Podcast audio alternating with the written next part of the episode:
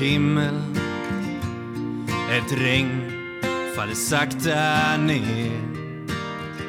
Det får mig att minnas en stad, en stad jag lekte i som barn. Grågrå människor i svarta, så svarta kläder. Men jag min sorglösa dag, ett vackert minne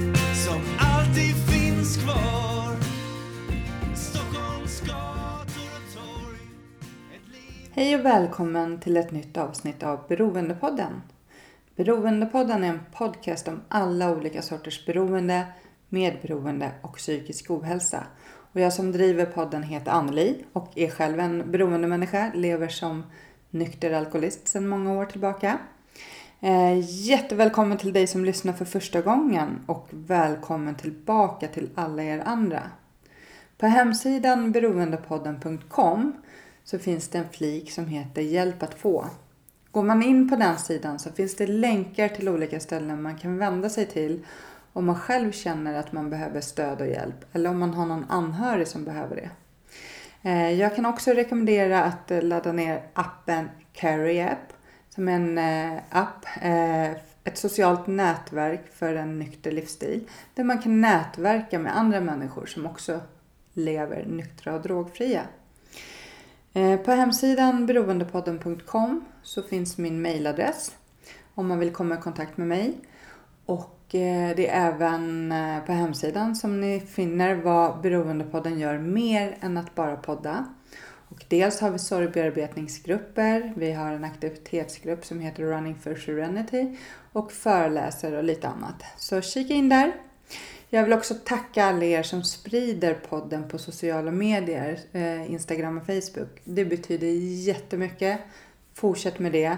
Eh, fortsätt sprida podden så. Och eh, jättetack till alla er som hör av er. Jag svarar ju som sagt på alla mejl så fort jag kan. Och har ni inte fått svar efter en vecka eller så, för ibland kan det ta ett tag innan jag svarar, men jag svarar. Då kan det vara så att eh, ditt mejl har kommit bort. Då får du jättegärna mejla igen. Jag ska inte prata så mycket mer utan jag önskar er alla en god lyssning och så ska jag släppa in dagens fantastiska gäst.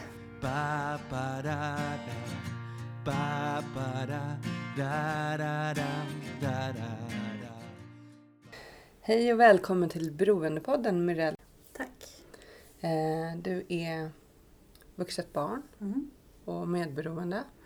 Eller kanske tillfrisknande medberoende. Ja, Får jag precis. Ja. Ja. 36 år, ung. Mm. Mm. Och jag är jätteglad att du är här. Mm. Och du ska dela med dig av din historia om hur ditt liv har sett ut och om din uppväxt. Mm. Och, eh, du kan få börja berätta Mm. Om- Absolut. var du kommer ifrån och din Mm. barndom. Ja, eh, jag är uppvuxen i en liten stad som heter Bålsta. Tillsammans med min mamma, pappa och min syster. Mm. Och eh, hela min uppväxt har varit mycket alkohol, eh, misshandel. Min pappa misshandlade min mamma dagligen skulle jag säga. Eh, och det var jag som fick ta hand om. Hon mer eller mindre antog att jag skulle lösa det. Så när eh, han eh, jag, jag kände alltid att det var på gång. Eh, och då skrek hon på mig och då fick jag komma och lösa det. Skulle du liksom gå emellan? Mm. Mm, När har du dina första minnen? Hur, hur gammal är du då om du tänker Kanske mm, fem, sex år. När pappa ger sig på mamma? Mm. Mm. Och det var vin på väggarna och det var liksom ja, väldigt mycket bråk. Och eh, det var alltid jag som fick ta hand om det eftersom min syster sov ofta borta hos kompis. Mm. Och då kände jag alltid att jag kunde inte sova borta för att jag, om jag sov borta, vem skulle då ta hand om mamma när han gav sig på henne? Så att jag fick alltid vara den som var hemma och tog hand om allt. Hade båda eh, missbruksproblem eller var det... Ja, Mm. det hade de. Och var det liksom dagligen att de drack? Mm. Eh, mamma ville ju helst dölja det så att hon hade ju ofta en grön mugg så att man trodde att hon drack te eller kaffe eller så. Men barn är smarta Mm. så jag visste ju det. Mm. Jo, men det känner man ju redan från tidig ålder. Mm. Men eh, hur, hur mår man då som barn? Alltså när de här sakerna händer redan i så tidig ålder? Så jag mådde ju väldigt dåligt men jag visste inte det då för att eh, jag hade ju bara överlevnad som strategi. Att jag hela tiden skulle vara stark och jag skulle vara den som tog hand om allt. Till exempel istället för att köpa leksaker så började jag tycka väldigt mycket om att städa. Så jag eh, köpte istället skurmedel och disktrasor för att jag, fick, ja, jag fann det som intresse. Så eh, ja, jag skurade ofta golv. När jag kom hem från skolan så tyckte jag om att städa köksskåp och sådär. Men jag fick alltid skäll för det. Mm. För att jag gjorde alltid fel. Så idag är inte mitt stora intresse att städa så att man säger så.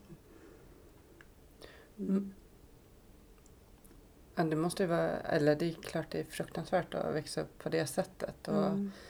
ehm, men din syster, hur gammal är hon? Är hon? Eller inte hur gammal hon är nu, hur många år Mm. äldre är hon än dig? Hon är två år äldre än mig. Ja. Så hon, Men, och hon började sova borta mycket. mm, Det var hennes sätt att ja. klara det hela. Mm. Däremot så hade vi husvagn så vi åkte mycket på somrarna och då var hon ju med. Mm. Eh, och jag vet att hon har berättat för mig i efterhand att mm, pappa misshandlade mamma så mycket så att hon kunde inte gå ut på flera dagar. Men jag har ingen minne av det.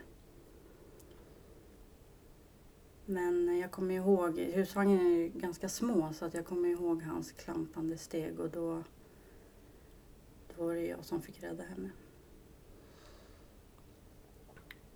Pratade ni något om det, du och din mamma? Eller hur, hur Nej. var liksom situationen efteråt? Nej, vi har inte pratat om det nu heller faktiskt. Mm. Och, och det här pågick under hela din uppväxt? Mm. Jag flyttade när jag, när jag var 11 så kom polisen dit. Eh, farmor ringde dit polisen och då la pappa in alla saker i ett rum. Eh, så att jag fick ju inte med mig alls mina saker som jag hade. Bara det han tyckte att jag skulle ha med mig. Så det kan jag sakna väldigt mycket som min säng och mina gosedjur och sådär. Blev du eh, placerad då eller? Nej, eh, jag flyttade med mamma och Okej. min syster. Ja. Mm. Så då separerade de när du var 11? Mm. Mm. Och hur eh, var du hos pappa någonting då eller? Ja, det var ju meningen att vi skulle vara där men jag gillade ju inte honom alls. Så att vi, vi åkte aldrig dit. Mm. Men eh, sen så träffade mamma en annan man. Och det blev ju likadant efter ett tag. Så vi hade ju ofta poliser hemma hos oss. Eh, Mamma ringde ju ofta polisen när hon var misshandlad men eh, sen hände det ju inget mer. Hon anmälde ju aldrig eller sådär. Men alla grannar visste ju varför polisen kom dit också. Mm. Men ingen gjorde någonting. Hur gick det för dig i skolan och så här? Jag tänker när man bär på något sånt här och, eh, och det händer dagligen under ens uppväxt. Hur? I eh, låg och mellanstadiet då var jag väldigt tillbakadragen. Men eh, sen så var jag en av de coola, Mm. lite så att säga, i högstadiet. Eh, Jag började röka, drack, testade lite droger. Men jag var aldrig beroende så. Mm. Det var inte min grej för att jag har sån stark gräns mot det Mm. även idag. Mm. Men eh, ja, och då träffade hon en ny man som också misshandlade henne. Mm. en före detta polis. Mm. Mm. Nej, men jag kommer ihåg att jag skämdes väldigt mycket av honom för han kunde sitta i centrum och vara jättefull och när jag kom dit och nej, det var inte alls kul att se som tonåring när man hänger i centrum och Mm. nej. Men eh, pratade du något med någon kompis? Hade du någon som du förstod? eh, Alltså någonstans förstår man ju som barn att det här inte är eh, normalt. Det här är Mm. inte... Men, men samtidigt så var det ju din uppväxt. Mm. Och man vet ju inte hur det ser ut hos andra. Nej. Tänker jag. Nej, alltså som liten när jag bodde hemma då, då tänkte jag det här är ju min vardag. Så, Mm. så är det ju. Men sen när jag vart äldre då, då kunde jag prata med en kompis. Mm. Och jag var ofta hos henne. Mm. Och, eh, hur gammal var du då? Då var jag väl eh, 14-15 ungefär. Ja. Mm. Men sen så blev jag ju tillsammans med hennes bror. Mm. Och han tog ju droger. Men jag tänkte att... Eller jag visste inte hur mycket han tog och jag tänkte att det var ibland sådär. Men så var ju inte fallet utan han tog ju väldigt mycket Mm. tunga droger så. Och är det han du sen fick barn med? Ja, precis. Ehm, mm. Vi var tillsammans ett tag och sen... eh, han var väldigt svartsjuk. Så, han, så fort jag pratade med andra killar så slog han ju ner dem. Eh, och en gång när vi var på en festival så um, började han slåss med ett ex till mig och då kom ju ordningsvakterna. Så han började slåss med dem så det blev ju rättegång. Och under den tiden så hade jag hunnit bli gravid. Så jag satt i bilen gravid och tänkte, är det så här jag vill ha det? För jag hade ju själv upplevt det med min familj. Mm. Så då sa jag till honom att, ja men slutar du inte med droger nu då, då kan jag inte leva med dig. Och jag kommer ihåg en gång också när vi åkte bil. Då hade han smugglat och tagit massa Rohypnol. Och det visste jag, jag hade ingen körkort så jag var ju livrädd att vi skulle åka i diket, eller köra i diket. Så eh, jag fick sitta och slå honom. Och när vi kommer till parkeringen och kliver ur då ramlar han i diket. Och då kände jag återigen att det kommer inte funka det här. Men sen så trodde jag att han slutade för han lovade. Eh, och det funkade väl ett tag. Men eh, sen blev det bara värre och värre. Han började dricka mycket, mycket lögner. Mm.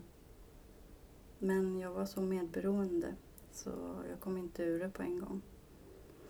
Sen fick vi ett barn till.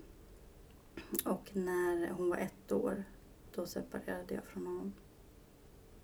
Mm. Vad var det då som... Alltså, jag tänker, det måste ju i, i en sån relation så har man ju botten efter botten efter botten Mm. troligen. Ja, det var ju mycket som hände och jag kände att det inte funkade Mm. helt enkelt. Det var... Ja, nej det funkade inte. Men under din uppväxt då med pappa och din mammas nya man och så här som var så våldsamma. Det var aldrig så att de gav sig på dig? Nej, Nej. utan jag försvarade ibland med tillhyggen och så. Mm. Mm. Och när du träffar din, eh, din barnens far Mm. och du upptäcker att han har ett beroende och eh, är våldsam. Mm. Eh, Han var aldrig våldsam mot mig. nej, var han ju inte. men det var inget du tänkte att det kunde bli så? Nej, Nej. nej, jag tror inte att han skulle gått på mig. Det var mest de här lögnerna. Eh, ja, det var väldigt mycket. Jag åker och jobbar och sena kvällar och sådär. Och jag tänkte, ja, ja, det är klart du ska. Mm. Men, eh, ja. Men hade han ett dagligt missbruk? också. Mm. Ja, han tog heroin. Mm. Mm. Gjorde han. Men du separerar Mm. och har du förstått att du är medberoende och de bitarna eller hur? Mm. Det var faktiskt inte så länge sedan jag eh, upptäckte det. Det var för två år sedan. Mm. Så började jag läsa Djävulsdansen och tänkte att men gud, det här är ju verkligen jag. Mm. Eh, och, då, och sen började jag på en utbildning som är fyraårig. Och när mina två första år, då gick det ganska bra.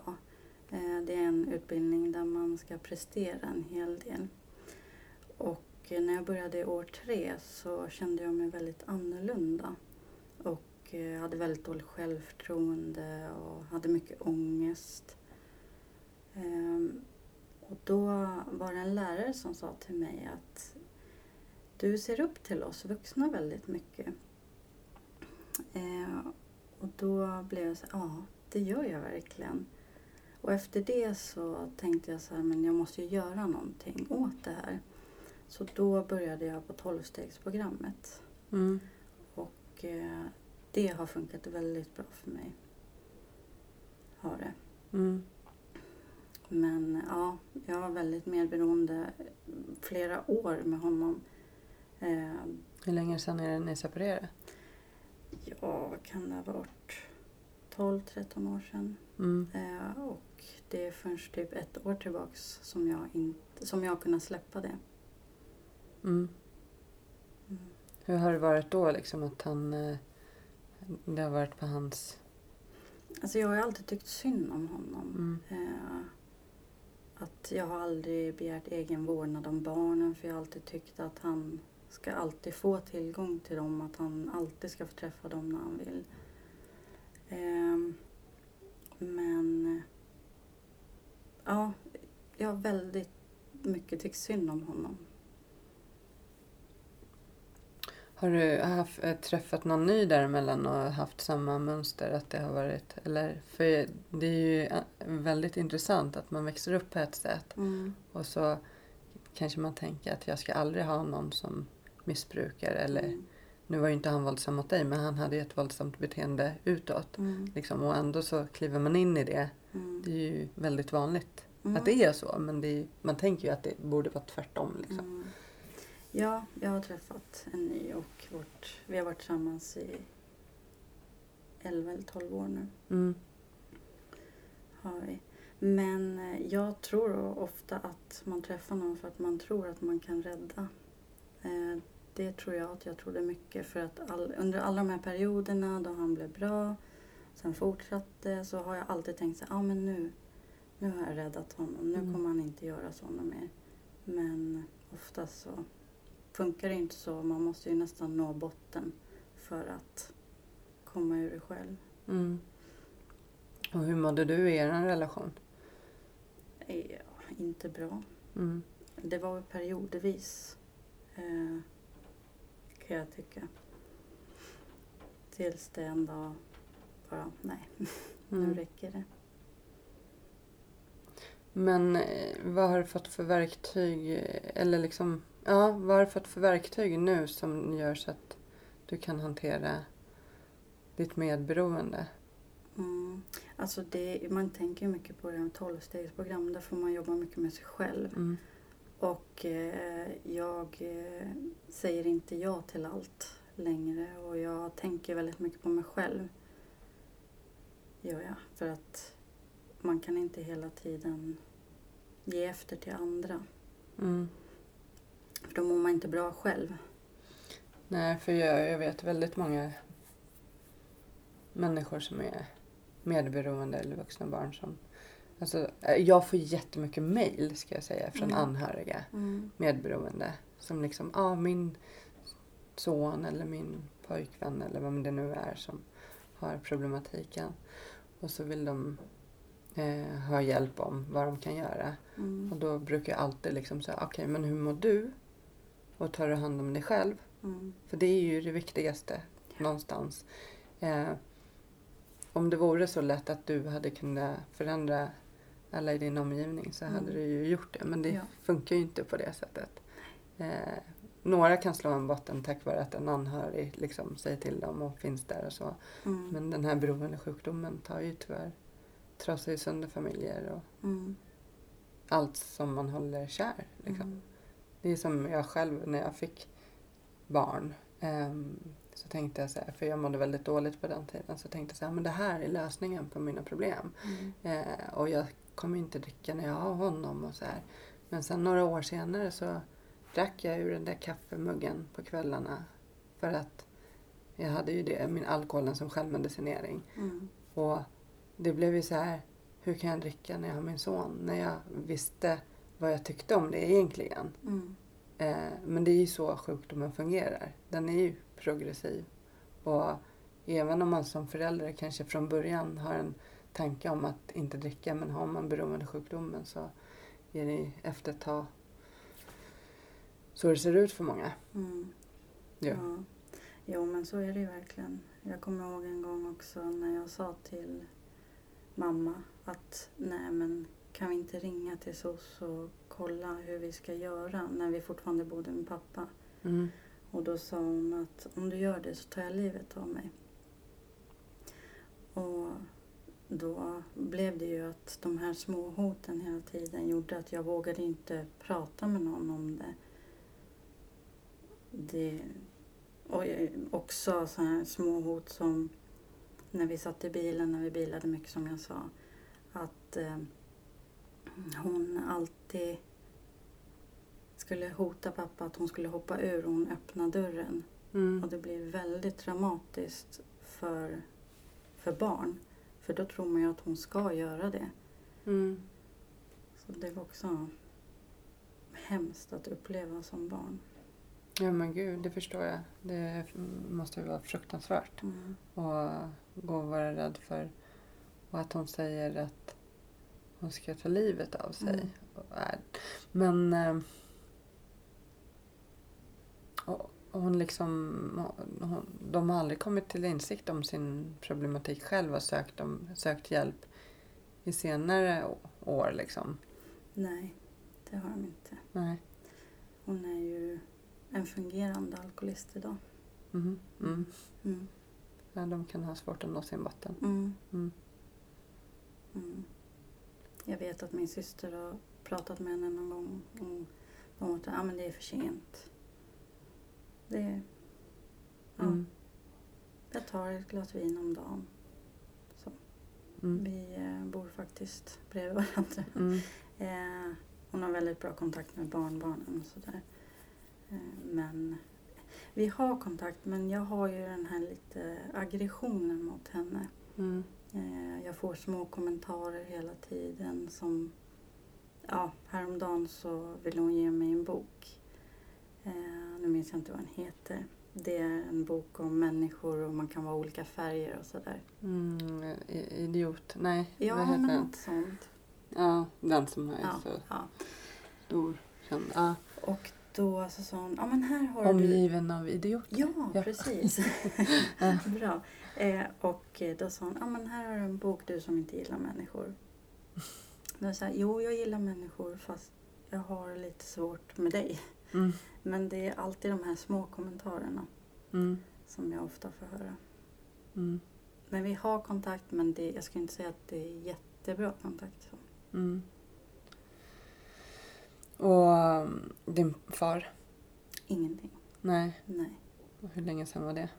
Oj. Ja, jag skulle säga att vi har inte träffats många gånger sedan vi flyttade. Men när du, under din uppväxt tänker jag, för var det några, det var inga vuxna som märkte av någonting eller var det någon som sa något? Nej, aldrig Mm. var det inte. Och som barn är man väldigt bra på att dölja det. Mm. det är man. Och sen senare tonåring, då var jag nästan aldrig hemma. Så att, Mm. Men jag tycker ändå att det är konstigt att ingen reagerar när polisen ofta var hemma hos oss. För vi bodde ju i lägenhet. Mm. Men nej, det var aldrig någon som Mm. gjorde något. Jag tänker att folk är så rädda för att fråga eller Mm. för att ja, man vill inte bli inblandad antar jag. Eller Mm. jag vet inte. Jag skulle ju reagera om polisen kom hela tiden och det var en barnfamilj som bodde Mm. bredvid. Mm. Definitivt. Ja, det skulle jag nog också. Mm. Mm. Men vad har hjälpt dig här då med ditt medberoende? Det är tolvstegsprogram som du har du gått till någon och gått och pratat? För jag tänker det du har ju varit med om är ju otroligt traumatiserat Mm. och måste ju påverkat väldigt mycket. Mm. Ja, nej, innan jag började min utbildning så har jag alltid trott att jag är stark, jag klarar allting. Mm. Eh, men så är ju inte fallet. Jag har ju haft väldigt kämpigt i skolan och eh, det som hjälper mig är att påminna mig själv hela tiden att vara snäll mot mig själv och jag är bra som jag är. Eh, men sen har jag perioder då jag känner väldigt mycket skam. Mm. Och när de perioderna kommer så blir det väldigt svårt att prestera. Eh, jag får ångest och jag känner att jag inte alls duger. Men då är det väldigt viktigt att man är där och verkligen påminner sig själv om att man, man är bra. Mm. Och att jag skulle inte komma så långt om, jag inte, om de inte tyckte att jag var bra. Din syster, hur, eh, hur är er relation? Pratar ni mycket om, om er uppväxt? I perioder också skulle jag säga. Mm. Eh, ibland gör vi det och ibland gör vi inte det. Eh, men när vi väl gör det så tycker jag att det är väldigt skönt. Sen tror jag att hon har ganska dåligt samvete eftersom hon inte var hemma så ofta. Mm. Mm. Men eh, man borde ju kanske, jag vet inte hur det ser ut i skolor och så, men att man behöver komma ut mer i skolor så att barn tidigt förstår och också kanske vart man kan vända sig. Mm. Eh, det finns ju organisationer som jobbar med det här. Men, Mm. eh, men när man växer upp på det sättet så är det ju... Man vågar kanske inte berätta för man är rädd för vad kommer hända med mamma och pappa om jag berättar för en vuxen. Och, Mm. Tänkte du liksom att du skulle prata med någon vuxen någon gång? Eller? Ja, men efter hon eh, sa sådär så vågade jag inte. Mm. Men det finns ju, idag så finns det ju på Instagram en eh, sida som heter Maskrosbarn. Mm. Eh, där det finns folk man kan chatta med. Mm. Och det önskar jag att det fanns när jag var liten. Mm. Som barn, liksom, att man kan gå in och chatta med och få stöd och hjälp. Ja, Mm. på helger och kvällar och sådär. För de åker väl ut eh, uppsökande också, maskrosbarn, Mm. till skolor tror jag. Jaha. Eller jag, Okej. jag tror det, jag ska inte säga Okej. säkert. Nej. Jag vet inte. Mm. Ehm, mm, Mm, sen finns det ju Trygga hjältar. mm. Eh, jag är inte så jätteinsatt i det men Trygga barnen, jag har haft faktiskt Olivia som är grundare för Mhm. eh, Trygga barnen med sin mor. I, Mm. i, med i podden, ett av de tidigare avsnitten. De gör ett jättefint arbete. Mm. Att det ska bli lättare att få den här informationen i skolan som barn. Ja. För att förstå att sen måste det ju inte vara att man blivit utsatt för våld. Det kan ju vara psykisk våld i ett hem. Alltså eh, som man inte liksom förstår och kan ta på på samma sätt heller. Utan det, ehm, så det hoppas jag ju att det pratas om eller ja. börjar pratas mer om så att man tidigt kan. Mm. Jag tror ändå att det blir lite bättre nu än när jag växte upp. Mm, För då känns det som att det inte var någon alls som pratade om det. mm. Och det är det som är så fint med att det finns tolvstegsprogram för det mesta. För det är ju också det här att träffa andra som Mm. förstår. Man måste inte ha haft precis likadan uppväxt men man förstår varandra och det måste ju stärka en, eller det stärker ju mig i min problematik och jag tänker att det måste ju stärka dig också Mm. väldigt mycket och bara känna att jag är inte ensam. Mm. Och det är ju väldigt skönt att gå på möten för att oftast när man går den här rundan Mm. eh, så det som andra folk berättar känner man ju oftast själv. Mm. Så det tycker jag är väldigt skönt att, att lyssna på andra.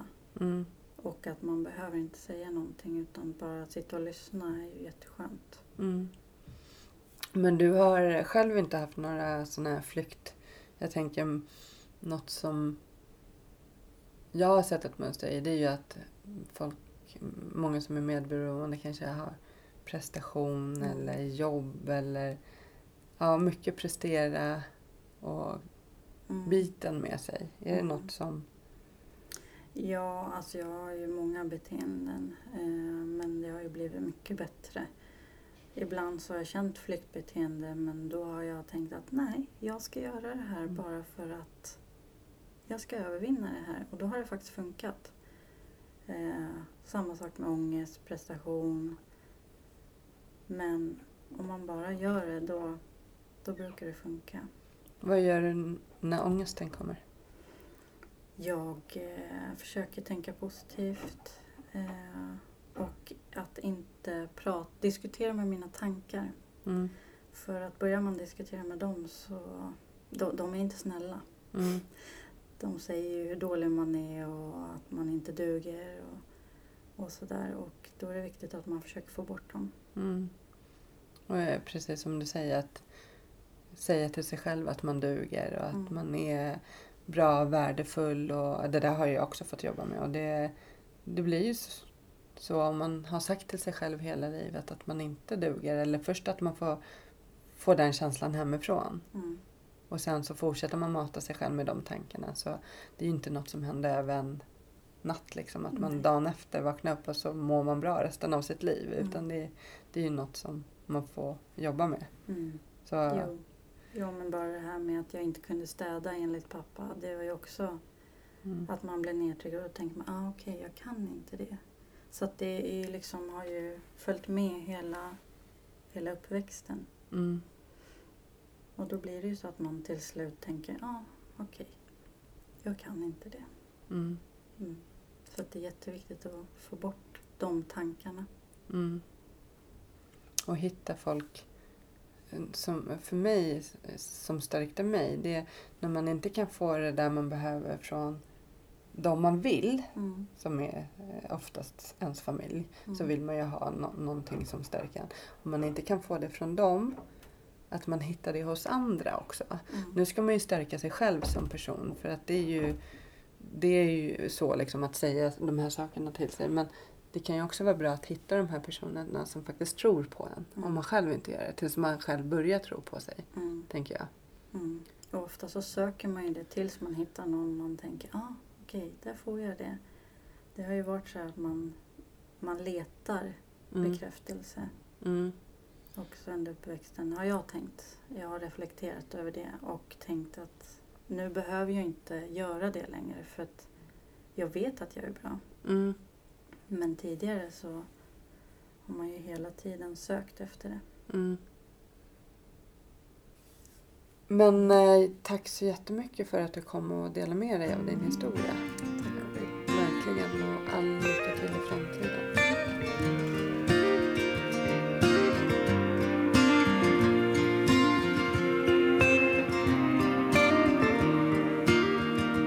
Mörk himmel ett regn faller sakta ner. Det får mig att minnas en stad En stad jag lekte i som barn.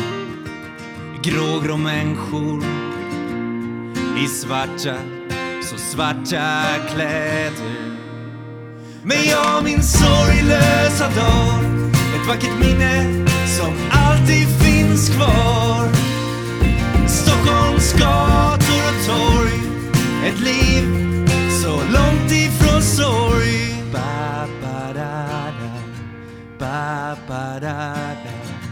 Ba, ba, da, da, da, da, da, da, da.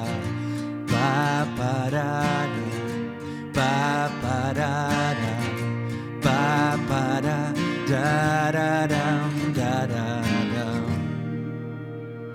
dyster T-baneperrong Ett liv inrutat i betong Stäng ut det andra med musik. Fokusera allt på att bli rik. Här finns en dyster atmosfär. Ett liv kretsat kring karriär. Men jag min sorglösa dag. Ett vackert minne som alltid finns kvar. Stockholms gator och torg. Ett liv så långt ifrån sorg. Ba, ba, da, da. Ba, ba, da, da. Ba, ba, da, da, da, da, da, da, da. Ba, ba, da, da. Ba, ba, da, da. Ba, ba, da, da, da, da,